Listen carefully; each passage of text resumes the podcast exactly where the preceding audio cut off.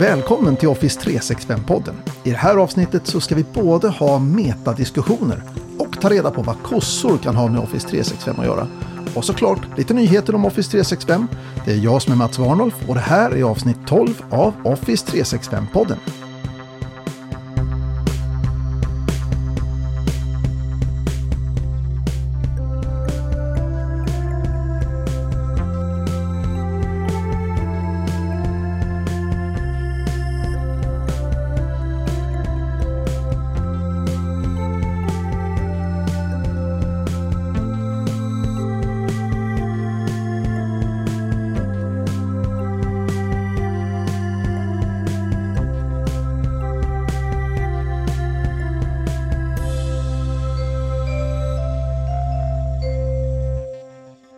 Meta har blivit ett populärt ord.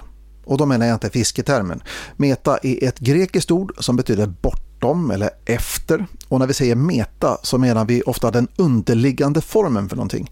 En metadiskussion är en diskussion om själva diskussionen och inte om ämnet för diskussionen. Metakänslor är dina känslor för vad du känner inför något. Till exempel att du känner skuld för att du inte saknar en annan person eller att du skäms för att du gillar något. I datatermer brukar vi använda begrepp som metadata och då får ordet meta vara en ersättning för ordet om. Så metadata används för att beskriva data, det vill säga data om data.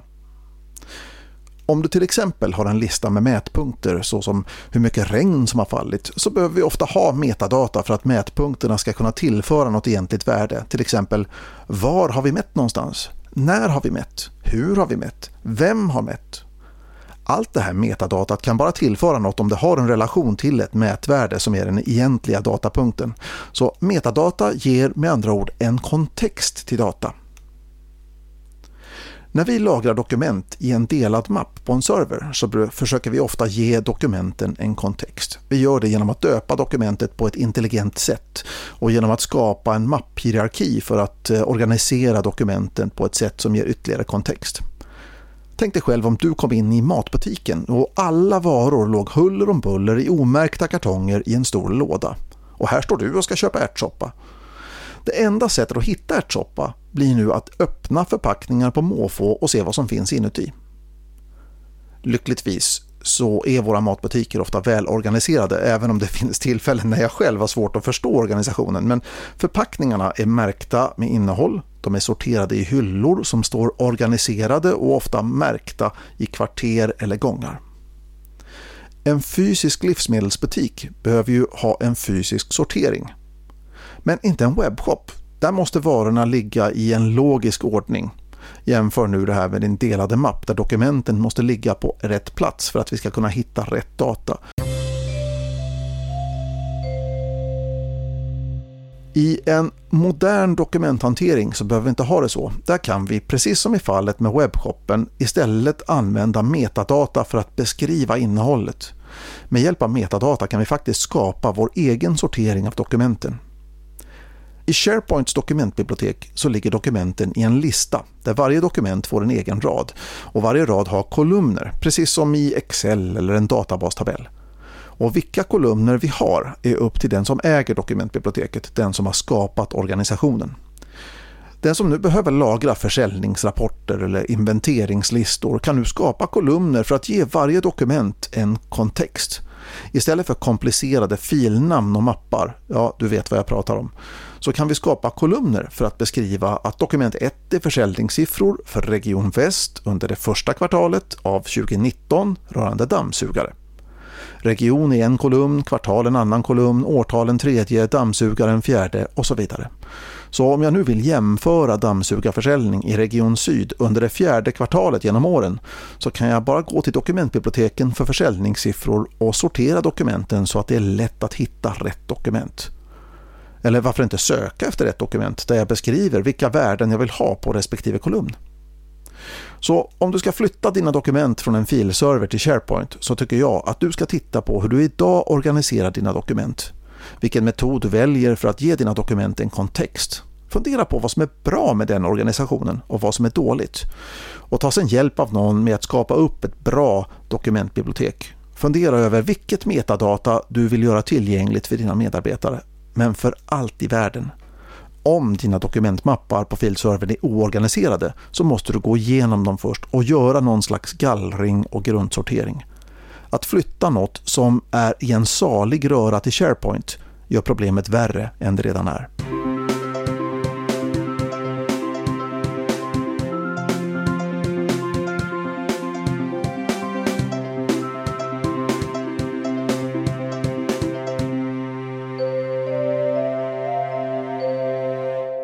En av fördelarna med att arbeta med moderna produktivitetsverktyg såsom Office 365 är co-authoring och co-working på distans. Co vadå? Kossor tänker du?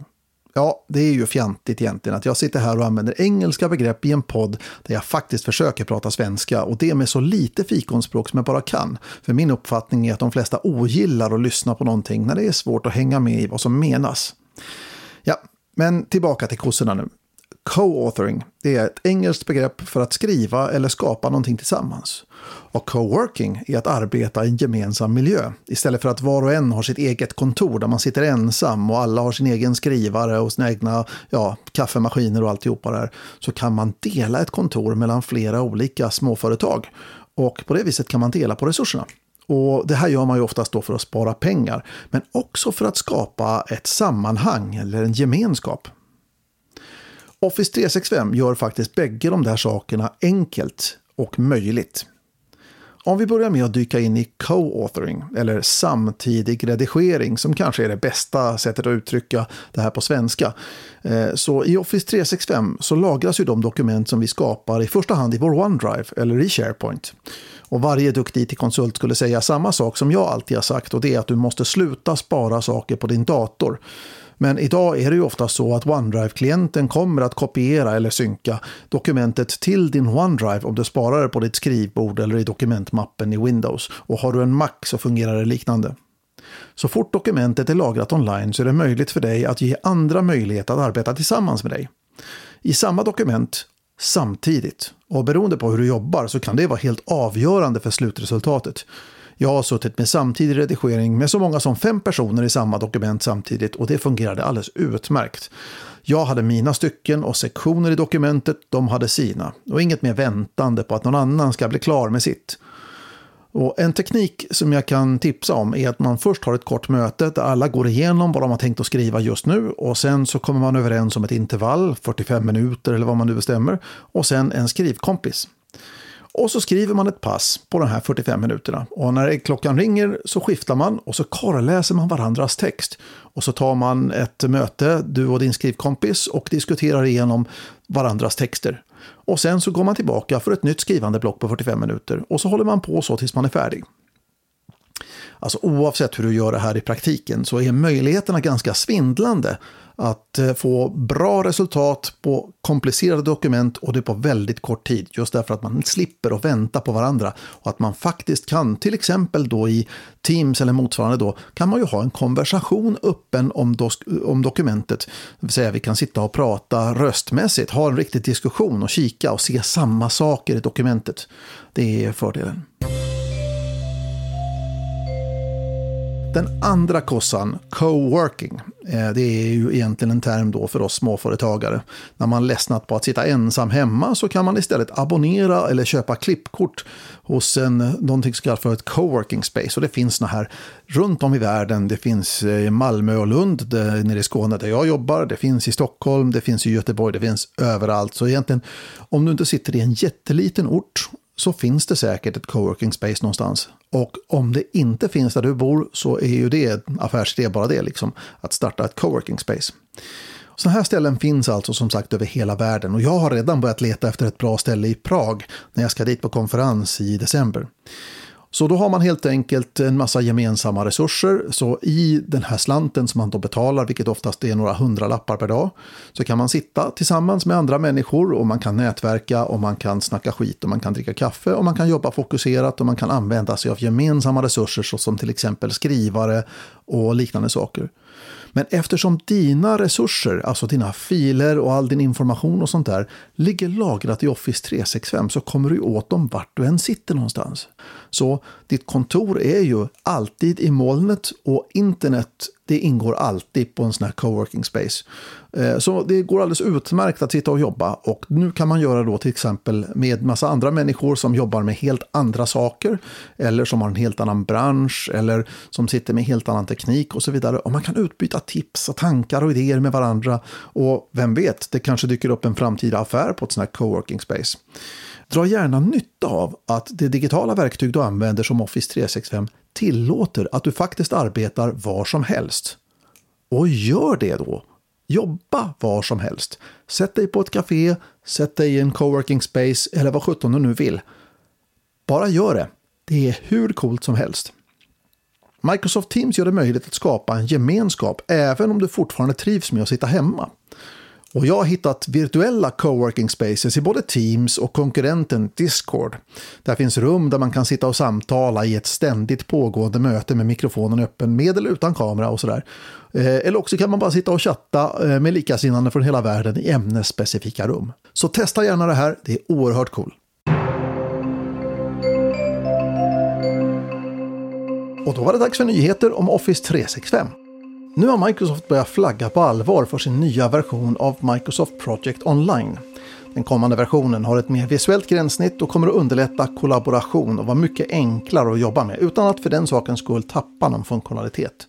Den här nya versionen presenterades i förra årets Microsoft Ignite-konferens och eh, snart är det dags för den att rulla ut.